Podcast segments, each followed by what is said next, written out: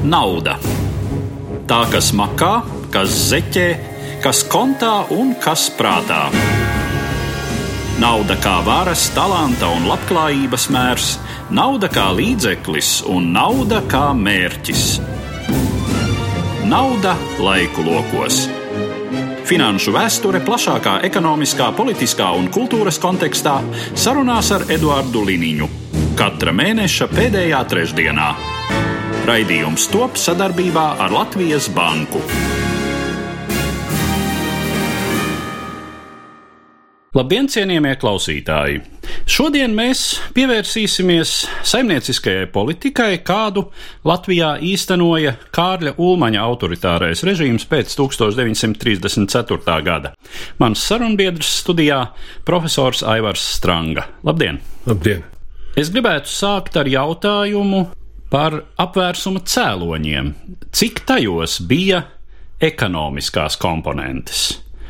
Kā zināms, lielā saimnieciskā krīze 20. gada beigās, 30. gada sākumā pasaulē, tiek piesaukta kā viens no būtiskiem faktoriem, kas veicināja šādu nedemokrātisku režīmu izveidošanos. Manuprāt, Ulmaņa rīcību īstenojot apvērsumu gandrīz nenoteica ekonomiski apsvērumi. Mums ir viens ļoti unikāls avots, ko mēs esam diezgan daudz izmantojuši, bet daļa no kura, diemžēl, ir aizvesta uz Krieviju un nav mums atdota. Tā ir Vilhāma Muntera dienas grāmatas. Un neapšaubāmi viņš bija tūs cilvēks Ulmanim, un viņš piedalījās apvērsuma sagatavošanā. Un mēs redzam, ka divas lietas jau var saistīt ar saimniecību uztrauca Ulmani pirms apvērsuma, bet tas nebija apvērsuma cēlonis.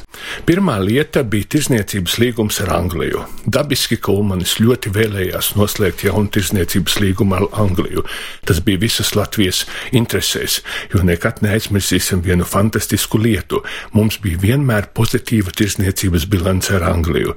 Mēs pārdevām vairāk nekā iepirkām, un mēs ieguvām mārciņas, un mārciņa tobrīd bija kaut kas joprojām liels, ne tik liels kā pirms pirmā kara, bet mārciņai bija zelta standarts, un Ulmans ļoti vēlējās, un Briti arī labprāt pirka mūsu mūsu sviestu, mūsu bekonu, koku materiālus, bet bija viens milzīgs šķērslis. Tas bija parāds Lazara bankai, ko bija paņēmusi tā kā cita Rīga, cara laika Rīga, bet Anglijā nedarbojās tāds priekšstats, ka paņēmusi kaut kāda cita Rīga. Briti teica, ka šis parāds jādod, un kopā ar procentiem uz 30. gadu sākumu tie bija vairāk kā 30 miljoni latu. Bet Rīgas dome populistiski teica, mēs nemaksāsim. Mēs neesam tā Rīga, kura to parādu paņēma, daļu no naudas cars lika iztērēt militārām vajadzībām, un te Lazara bankā akcionāri bija daudz vācu baltiešu, maksāsim vēl vāciešiem par to, ko mēs paņēmām, bet Angļi pateica ļoti vienkārši - vai nu parāds vai līgums. Nu, nekādos apstākļos nevarēja piespiest Rīgas domi samaksāt parādu, bet tad, kad nāca apvērsums, protams, Rīgas doma ar valsts palīdzību palīdzību piekrita samaksāt parādu. Tas bija viens ekonomisks moments. Otrs apsvērums bija tāds ļoti īpatnējs. 33. gadā nacistiskajā Vācijā bija sākusies ebreju vajāšana. Vēl ne brutāla, bet tomēr bija aicināts neiepirkt viņu veikalos, un Latvijā izveidojas tā saucamā Vācijas preču un pakalpojumu boikota komiteja, ko veidoja Latvijas ebreji, ne visi, bet daļa, un Latvijas sociāldemokrāti. Ja jūs vajājat ebrejus un sociāldemokrātus, mēs nepirksim vācu preces un ļoti īpatnīgi boikotēsim vācu kurortus. Un tas vācieši šausmīgi kaitināja. Viņi pat mums atriebās ar sviesta karu īso ļoti mums sāpīgo. Un, kad Tulmanis 33. gada rudenī bija Vācijā, viņš, protams, netikās ar Hitleru, kā apgalvoja padomu historiografijā, bet viņš tikās ar diezgan augstiem cilvēkiem, un viņi teica, ja jūs gribat ar mums tirgoties, jums jālikvidē šie politiskie šķēršļi, ārkārtīgi trokšņa kampaņa pret Vāciju. Bet to arī demokrātija nevarēja likvidēt, jo neviens nevar aizliegt Latvijas pilsoņiem kliegt, ka Hitlers ir tirāns. Un tas bija otrs aspekts. Bet nākamais, ko es gribētu uzsvērt, atbildot uz jūsu jautājumu, Latvijā bija sākusies izēja no krīzes. To rādīja visi rādītāji. Protams, daudziem cilvēkiem bija ļoti grūta dzīve, bet vēlreiz atgriežoties pie šiem ļoti autentiskiem avotiem, pie Muntera dienas grāmatām, mēs tur neredzam nevienu mirkli kaut kādu ulmaņa apsēstību ar saimniecības problēmām. Galvenais cēlonis bija viņa tieksme pēc varas, viņa bailes par saimas vēlēšanām, par to, vai viņa zvaigzne, kā Dunsdors rakstīja, nav sākusi norietēt. Runājot par to politisko pavērsienu, kas notika pēc nākšanas pie varas, tad savukārt, kas bija tas, ko Ulmanis nākot pie varas deklarēja saimnieciskā ziņā, kas tad tagad būs citādi, un eh, cik lielā mērā tas atbilda sabiedrības noskaņojumam? Es uzdrošināšos pacitēt vienu gandrīz vai provokatīvu lietu. 34. gada novembrī mūsu universitāte piešķīra viņam divus goda doktorus - lauksaimniecībā un tautssaimniecībā. Viņam bija kopumā četri doktori, un viņš nolasīja Universitātes saulē akadēmisko lekciju. Un šajā akadēmiskā lekcijā man šķiet, klausītājiem bija pārsteigums, ka viņš teica tādus interesantus vārdus. Marksismam ir liela vēsturiska nozīme, ko neviens no mums negrib noliegt. Marksisms mums ir daudz mācījis, mēs to iegaumējam, bet mēs ejam tālāk ja lūkoties uz viņa saimnieciskiem uzskatiem, un viņš taču rakstīja grāmatas, kā iziet no krīzes, ko darīt, viņš ļoti bieži runāja, viņam tas patika, tad mēs redzam, ka viņš paņem no visiem autoritāriem režīmiem kaut ko. Vienīgais, kas viņam pilnībā nepatīk, tas ir liberālisms. Tas latviešiem neder. Latvieši tur neplauks, vācieši, kā toreiz tie žīdi plauks, internacionālais kapitālisms arī tas ir slikts, bet visur, kur valsts jaucās, viņš no visa tā paņem arī kaut ko no marksisma, jo tur, protams, valsts iejaukšanās ir lieta. Viņam ļoti patīk Itālija, ārkārtīgi Musolīni viņam sūta apsveikumus, domājot, ka viņš ir īsts fašists. Viņš paņem no Vācijas darba spēka regulēšanu, darba centrāli. Jūs nevarat iet darbā bez centrālas atļaujas. Centrāla pateiks, ka labāk dodieties uz laukiem, nevis blandieties par Rīgu. Ir viņa personīgais fonds, 5969. fonds arhīvā. Viņš ļoti bieži lasa padomu Krievijai Krievijas presi un pasvītro, piemēram, ļoti interesanta lieta, ka zemnieks nevar aiziet no kolhoza. Viņš neieviesa uzreiz kaut ko pilnīgi jaunu. Teiksim, cietās cenas lauksaimniecības produkcijai pastāvēja jau no 31. gada. Viņš tikai to nostiprināja. Bet, protams, bija lietas, kas Latvijā demokrātiskos apstākļos nevarēja pastāvēt. Proti ar sava drauga, es domāju, uzticama cilvēka, Andrija Bēziņa rokā, nejaukt ar Alfrēdu Bēziņu, viņš nodibināja tādu dīvainu iestādi, kuras mājā mēs pašlaik arī atrodamies - Latvijas kredītbanku. Un, lai arī viņa saucās kredītbanka, viņas funkcija bija kaut kas tāds, kas vispār normālā sabiedrībā nevar pastāvēt. Viņa varēja nacionalizēt katru īpašumu, un jūs to nevarējāt pārsūdzēt tiesā. Protams, tā bija nacionalizācija, tā nebija konfiskācija. Nu, Ulmans taču nebija komunists. Samaksāja Dažreiz samaksāja valūtā, ja jūs gribētu Latviju atstāt, kā piemēram daudz ebreju uzņēmumi, bet tas bija kaut kas pilnībā jauns. Demokrātija nevarēja pastāvēt tāda lieta, ka privāto mantu pārņem bez tiesas. Jūs varbūt negribat, teiksim, Tanheizera alus fabrika. Brīnišķīga alus fabrika, latvieši dzēra šo alu, nu viņu nacionalizēja, sāka dzert aldari. Nu, teiksim, laimu šokolādes fabriku, kura bija ļoti plaukstoša. Tātad viņi atlasīja tādus brangā vairākus kumosus, un otrs, kas bija jauns, tā ir plānsaimniecība, tāda milzīga apsēstība ar to, ka visu atrisinās plāns. 38. gadā izstrādā sešu gadu plānu, jo negrib, lai būtu līdzību Vācijai, tur ir četru, Krieviem ir piecu, mums ir sešu gadu plāns. To es esmu arī aprakstījis savā grāmatā ļoti sīki, ka visu tad izstrādā. Teiksim, tur 42. gadā būs tik skolu, tik būs tur nespējnieku namu, Rīga ir savs plāns un citām pilsētām savs. Plānsaimniecības ideja Latvijā ir ļoti veca. Jau 20. gados par to runāja Feliks Cielēns, sociāldemokrāts varbūt pirmais. Bet tā, ka būtu tāds vienu lapusi garš plāns, kurā viss būtu sarakstīts pa nozarēm, tas Latvijā bija kaut kas jauns. Bet ir interesanti tomēr, ka viņš nolēma šo plānu nepieņemt. Un tas ir tāda liela jautājuma zīme, kāpēc. Ja jau mēs runājam par plānu, ja mēs runājam par īpašumu pārņemšanu, kāda tad bija tā saimnieciskā stratēģija, pēc kādiem kritērijiem tiek atlasīti uzņēmumi, kuri ir jāpārņem. Stratēģija ir valsts īpašuma vairošana, jo neviens no šiem pārņemtiem uzņēmumiem nenonāca latviešu privātīpašnieku rokās. Tā daudzi varbūt cerēja, būs tagad latviskošana, tas saucās latviskošana. Atņemsim, teiksim, žīdiem laimu, atņemsim vāciešiem tankheizeru un iedosim latviešu fjuzem, piemēram, atdosim šokolādes fabriku. A, nē, viss pāriet valstī. Valsts izveido savas akciju sabiedrības, kurā ja agrāk varbūt bija trīs cilvēki valdē, tad tagad ir desmit, un tas ir tā saucamā latviešu līdzdalība saimniecībā. Valsts pārvaldē, akciju sabiedrību valdēs, akciju sabiedrību padomēs. Ar latviskošanu viņš nesaprata Latvijas šo privātās mantas vairošanu. To mūsu lielākais latviešu uzņēmējs Roberts Hiršs, latvietis Rīgas auduma izcilā autors raksta, ka viņš visu laiku mēģina kaut kā pārņemt to Rīgas audumu. Bet vienīgais ir ļoti grūti pateikt, kā var latviskot latviešu uzņēmumu, kuram ir filiāle Kaunijā, viņš grib atvērt filiāli Oslo, nevar pateikt, ka viņš ir nesekmīgs, un beigās viņš secina, ka tas būtu liels skandāls. Valsts īpašuma vairošana. Tā viņa slavenā runa 37. gadā. Ko rašos? Kas ražos un cik to noteiks valsts. Viņam likās, ka visās absolūti jomās ir jāaug valsts īpašumam un ierēģiem. 39. gadā atver ķegumu. Bet presē parādās, ka vajag sabiedrību, kas vada ķegumu. Bet ķegums pats sevi var vadīt, tā taču ir valsts sabiedrība. Bet vajag vēl kādu sabiedrību, kas vadīs elektrostacijas. Tā tad būs vēl vairāk ierēģņu. Un bija tāds ekonomists ļoti gudrs Jānis Bokalders, un viņš aprēķināja, ka ir izveidotas 8000 jaunu ierēģu vietu, kuri neražo, kuri tikai kontrolē un vada. Un viņš iesniedza to ekonomistam 40. Gada sākumā žurnālam, un politpārvalde ir ziņojums noraidīts, jo tas skaidri parādītu, ka aug nevis ražošanas nozares, bet aug šī pārvaldes sistēma, kura, protams, bija etniska.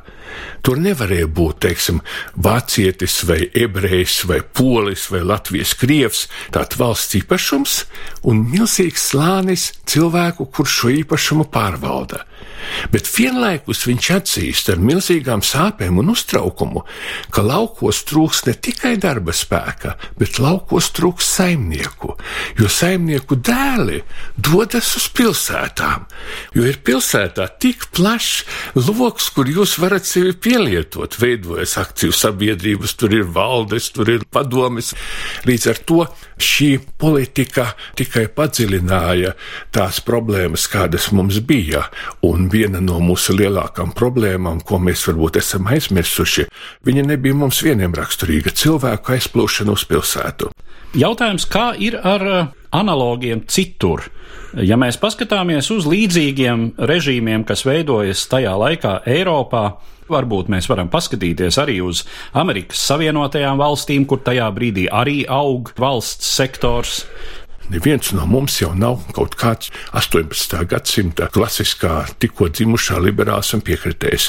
Nu, skaidra lieta, ka ir jomas, kur bez valsts sektora nevar iztikt. To pašu ķegumu neviens privāti neuzceltu dzelzceļus, lai arī viņi sāka ciest zaudējumus cīņā ar autopārvadātājiem privātiem. Bet ir jautājums par apjomu. Piemēram, Latvijā valsts nodibina tādu sabiedrību kā ādu un vilnas centrāli. Nu, vai tiešām āda un vilna būtu kaut kas tāds, ko privātais nevar atrisināt? Priekš kam veidot kādu mākslīgu sabiedrību? Zemnieki bija apmierinātāki, kad bija privātais, jo privātais atbrauc uz mājām. Viņš jūs pazina, viņš dzīvoja tepat blakus. Valstī ir jābrauc nodot uz valsts punktu, un tur nevienmēr visi var nodot. Tas apjoms ietvēra tādas lietas, ķiegelis, kaļķis, ogle, filma. Viena no pēdējām valsts sabiedrībām 40. gadā ir filma. Nu, bet vai tad tiešām Latvijā privātie netika galā ar kinoteātriem? Bija Miljāno Splendid Palace sabiedrība ārs par salīdzinājumiem. Valsts iejaukšanās pieaug abos kaimiņos. To mēs redzam no Latvijas sūtņu ziņojumiem.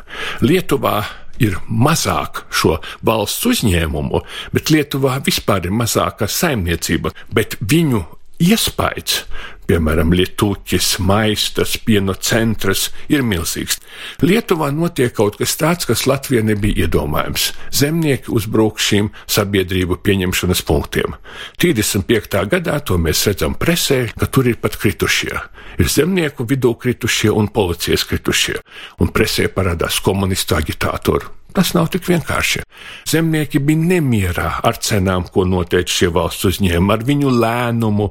Smetona ļoti maz jaucās saimniecībā. Es domāju, ka viņš arī nesaprata. Viņš bija profesors, filologs.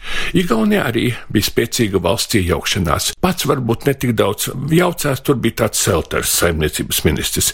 Bet kopumā es domāju, tā ir viena ārkārtīga perspektīva lieta salīdzināt valsts iejaukšanos arī kaimiņos tās diktatūras, Igaunijā un Lietuvā, bez šaubām diktatūras, viņas tomēr nebija tik šausmīgi spēcīgas kā Latvijā viņas tomēr neaizgāja līdz tādiem sīkumiem. 94. gadā, kad tikko sāka iznākt žurnāls Latvijas arhīvi, tur tika nopublicēts tāds ļoti interesants dokuments, Ulmaņa verbāla notas. Tas ir parasti uz papīriņa, viņš uzraksta kādu rīkojumu. Un mēs redzam, ka atšķirībā no Smetonas, kurš mēnešiem dzīvoja sievas mūžā pie kauņas, vai pēc, kurš bija relatīvi slims, bieži vien Ulmanis izrīko visu. Piemēram, viņš brauc par Rīgu. Kāpēc jums ir nocis ar skārdu. Uzreiz viņš uzraksta.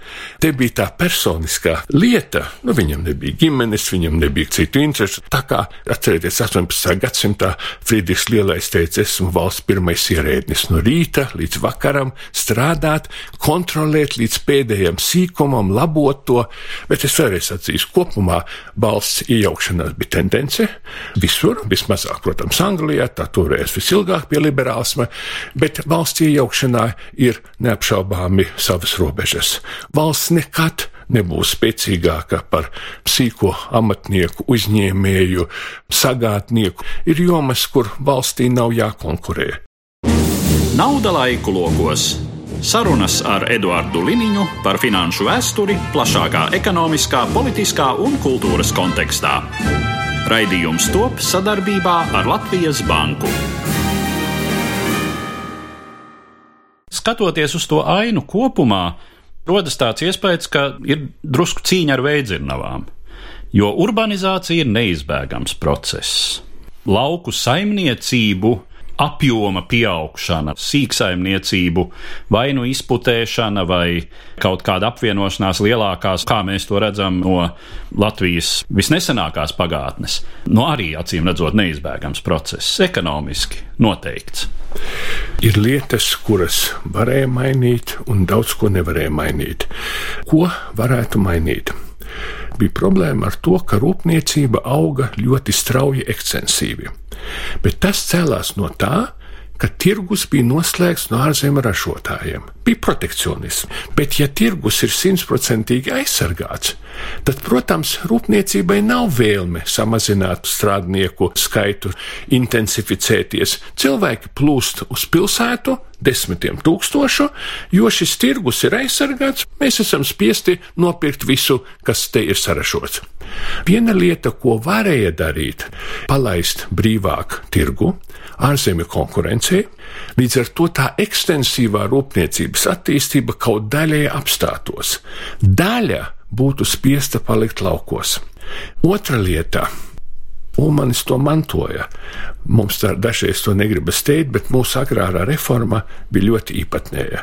Katrs varēja saņemt zemi. Uz 37. gadu bezzemnieku skaits bija 18%, 20. gadā 71, trīs reizes samazinājās. Tagad gandrīz visi bija paši saimnieki, bet kas strādās tam, kuram ir 50 hektāri, 30, nu, 40 hektāri? Tas bija politisks jautājums. Aizsilnieks uz to ir devis ļoti pareizi atbildi. Mūsu valsts pastāvēšana bija atkarīga no tādas agrāras reformas. Šāda agrāra reforma ielika pati par sevi iekšā darba spēka trūkumu. Bet iespējams ir tādas problēmas, kuras vispār nevar atrisināt. To jau Ulmanis raksta savās piezīmēs izsūtījumā Krievijā. Nu, daži šīs piezīmes apšauba, es viņas neapšaubu. Viņas ir ļoti godīgas, viņš raksta, kā viņš domā. Un viņš raksta, ka šo problēmu var atrisināt tikai sadalot saimniecības vēl sīkākas, tātad tās lielās, kas eksploatē darba spēku, lai viņas paliek pavisam sīkas, un tad nebūs vispār šo 18% kalpu, visi sēdēs savos 10 hektāros un rakņāsies. Bet to taču padomu var īstenot 40. gadā, dodot tā saucamo 10 hektārnieku zemi. Izējas no šīs problēmas praktiski nav. Izēja ir vai nu pilnīgi sīka saimniecība, kur nav algota darba spēka, mēs ar jums paši apstrādājam, vai nu tad ir jāizput šīm sīkām un jākļūst par darba spēku. Bet es vēlreiz gribu atzīmēt, ka ne jau tā bija Ulmaņa vaina. Darba spēks sāka trūkt jau pirms Pirmā pasaules kara. Tā ir problēma, ko nereti sabiedrības manto un nespēja viņas atrisināt. Ko jaunu viņš ienesa, ir tas, cik 40. gadā radikāli viņš pats to tieši vien negribēja. Viņi izšķīrās par šo darba spēka risināšanu tad, kad poļu un lietuviešu nav.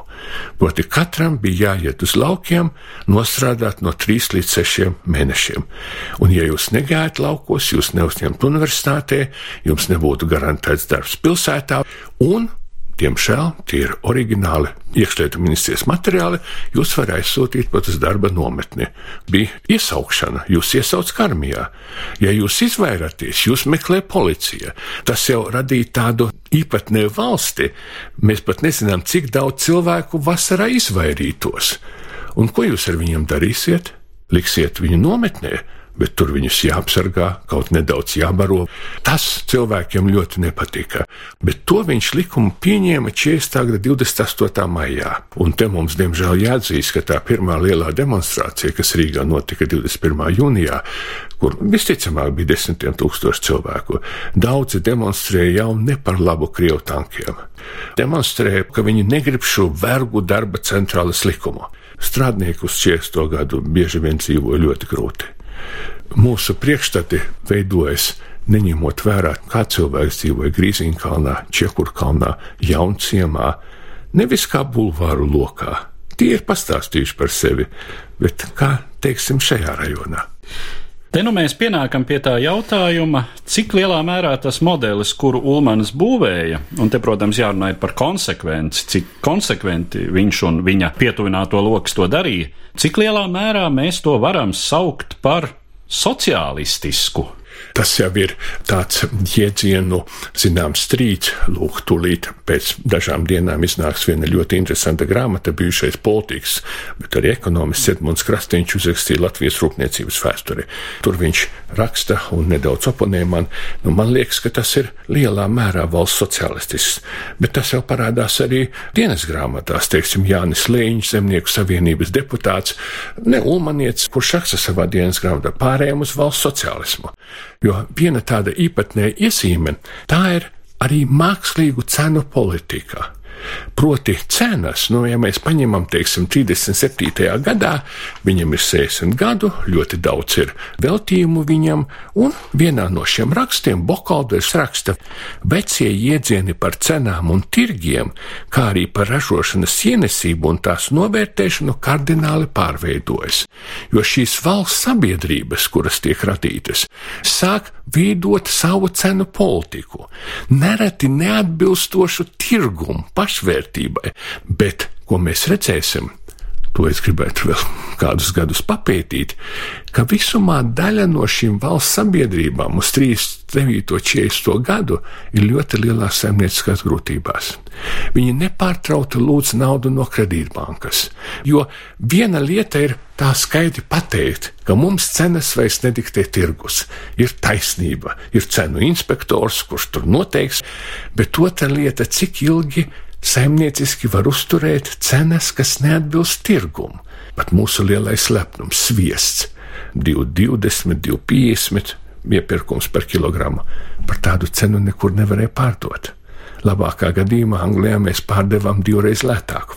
Cik ilgi jūs varat uzturēt tādu mākslīgu, dažām grupām ļoti izdevīgu cenu politiku, bet no kaut kā taču jāmaksā. Taču jāmaksā ar lielākiem nodokļiem, jāmaksā pilsētniekiem, jāmaksā rūpniekiem. Daudzas problēmas neradīja Ulmanis, bet man liekas, ka ja mēs tā vairāk paļautos uz cilvēku pašiniciatīvu, uz viņa spējām, uz viņu talantu, mazāk valsts jauktos visur, tad varbūt tas rezultāts būtu labāks. Bet tas atkal atkarēs no tā, kādai sociālā grupā mēs esam. Ja mēs atgriežamies uz 39. čiestu, kur mēs sevi ieliekam, un tad tas mūsu skats no mūsu mazās vietas rada tādu skatu par visu. Jūs jau sākāt atbildēt uz manu nākamo jautājumu, runājot par mantojumu, kuru Ulmaņa Latvija ir atstājusi mūsu vēsturiskajā atmiņā, proti visi šie priekšstati par labajiem laikiem, par pēdušu Latviju, par uh, Latviju, kas attīstās. Šodien mēs, protams, arī pamatoti skatāmies uz tiem konkrētajiem sasniegumiem, kas bija kaut vai tas pats ķegums, kaut vai tas pats minoks. Kāda bija tā cilvēku izjūta tajā brīdī par to, kā viņi dzīvo, cik labi viņi dzīvo, kādi bija tie sociālās situācijas apstākļi, kas to noteica, un Kas tad ir veidojis šo vēlāk nepārprotami tapušo priekšstatu, kas ulmaņa laikus liek mums dēvēt par tiem laikiem, kad nu, mēs tā kā sviesta gabaliņš putrā Ulmaņa laiki ir ļoti dažādi dažādām grupām. Es grāmatā citēju Alfrēda Bērziņa ziņojumu Ulmanim 40. gada 8. februārī. Alfrēds Bērziņš, otrais cilvēks valstī, sabiedrisko lietu ministrs, ziņo par nostāju strādnieku priekšpilsētās, īpaši par jaunciemu. Nu, ziniet, to paies lasīt. Viņš raksta, ka strādnieki ļoti cieši no augstuma, ļoti maza izpeļņa. Bet, ja mēs runājam par šo mītu, tad šim mītam, protams, ir noteikti apstākļi, kuros šis mīts radās. Un šis mīts jau sāka rasties, es domāju, ļoti agri, jau 40. gadā, jo tas, kas notika 40. gadā, tik ātri varēja jūs padarīt par ulmanieti, kāds jūs pat nebūtu bijis, ja, piemēram, demokrātiskā Latvija vai pat autoritārā Latvija pastāvētu. Pirmkārt, mēs gājām bojā, valsts tika okupēta, valsts tika pārpludināta par migrantiem, Ulmaņa Latvija, lai kāda nebūtu, bija Latviska Latvija. Nav nekas slikts mums ne pret vienu Latvijas iedzīvotāju šodien, bet, piemēram, Krievu Rīgā bija 10%. Tā bija Latvijas Latvija, kura pacēla latviešu pašlepnumu, kura veltīja ļoti lielu uzmanību latviešu kultūras attīstībai, mākslai. Ļoti daudz kas bija izcils. Un 40. gadā jūs pēkšņi redzat milzīgas masas, kuri visu izpērk, kura rublis pielīdzina latu, lai arī pirms tam bija 10 rubļi viens lats, kur viss tiek sūtīts uz Krieviju līdz pat 90. gadam kur tiek radītas pilnīgi mākslīgas nozeres, kuriem šeit nav nekāda pamata. Es domāju, ka rusifikācija ļoti lielā mērā radīja cilvēku priekšstatus, ka tā Latvija, un viņa bija laba, jo viņa bija neatkarīga un brīva. Salīdzināsim dažādas lietas. Kas tas ir ādu un vilnas centrāle, salīdzinot ar miljoniem migrantu un pilnīgi mākslīgu saimniecību. Tā ka ir daudz kas labs. Bet no otras puses, fakti ir tādi, pat VEFS 40. gadā jau prasa ar vien vairāk kredītu no valsts. Minoks ir brīnišķīgs. Es nezinu, vai demokrātijas laikā būtu minoks. Kas to zina? Varbūt arī būtu. Vai demokrātiski iekārta neļautu irbītam konstruēt brīnišķīgos radioaparātus? Iespējams, ļautu. Bet tie saimnieciskie rādītāji par visu tomēr jāmaksā. Nevar visu to tā uzturēt. Neviens negrib noniecināt to, ka no Forda noliktavas Kopenhāgenā ieveda detaļas un salika mašīnas. No ekonomiskā viedokļa Varbūt bija lētāk ievest gatavas mašīnas, nebūtu slavas, nebūtu tāda lepnuma, bet nu šodien man liekas, neviens neriskēs. Taču ir skaidrs, ka mēs nevaram izkonkurēt vācu vai japāņu mašīnas. Tas nenozīmē, ka mēs esam sliktāki. Varbūt mums būs labāks IT, mums ir brīnišķīga kokrūpniecība pasaules līmeņa. Tā kā tā vēlme pēc skaistā un nedaudz slavenā nevienmēr iet kopā ar ekonomisko, un par visu tomēr jāmaksā. Absolūti nekas nebija ļauns, pat labs, piemēram, sakoncentrēt resursus, lai varbūt viņi nebija tik daudz, kāda viena liela inovatīva produkta radīšanā, kaut vai to pašu minoksu.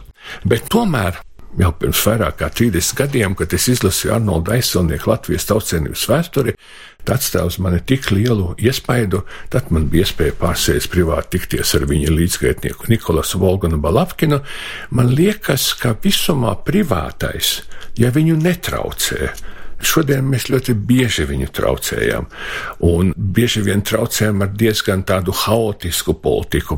Es nedomāju, ka viņš nevar sasniegt to pašu. Viņš varbūt labāk jutīs to, ko mēs varam.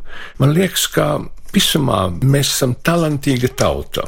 Jo kas man visvairāk kaitina Ulmanī, ka viņi saka, ka mums neder liberālā saimniecība tirgus, ka mēs tam nesam gatavi, ka mēs tā kā esam par mazu, ka mums nav pieredzes.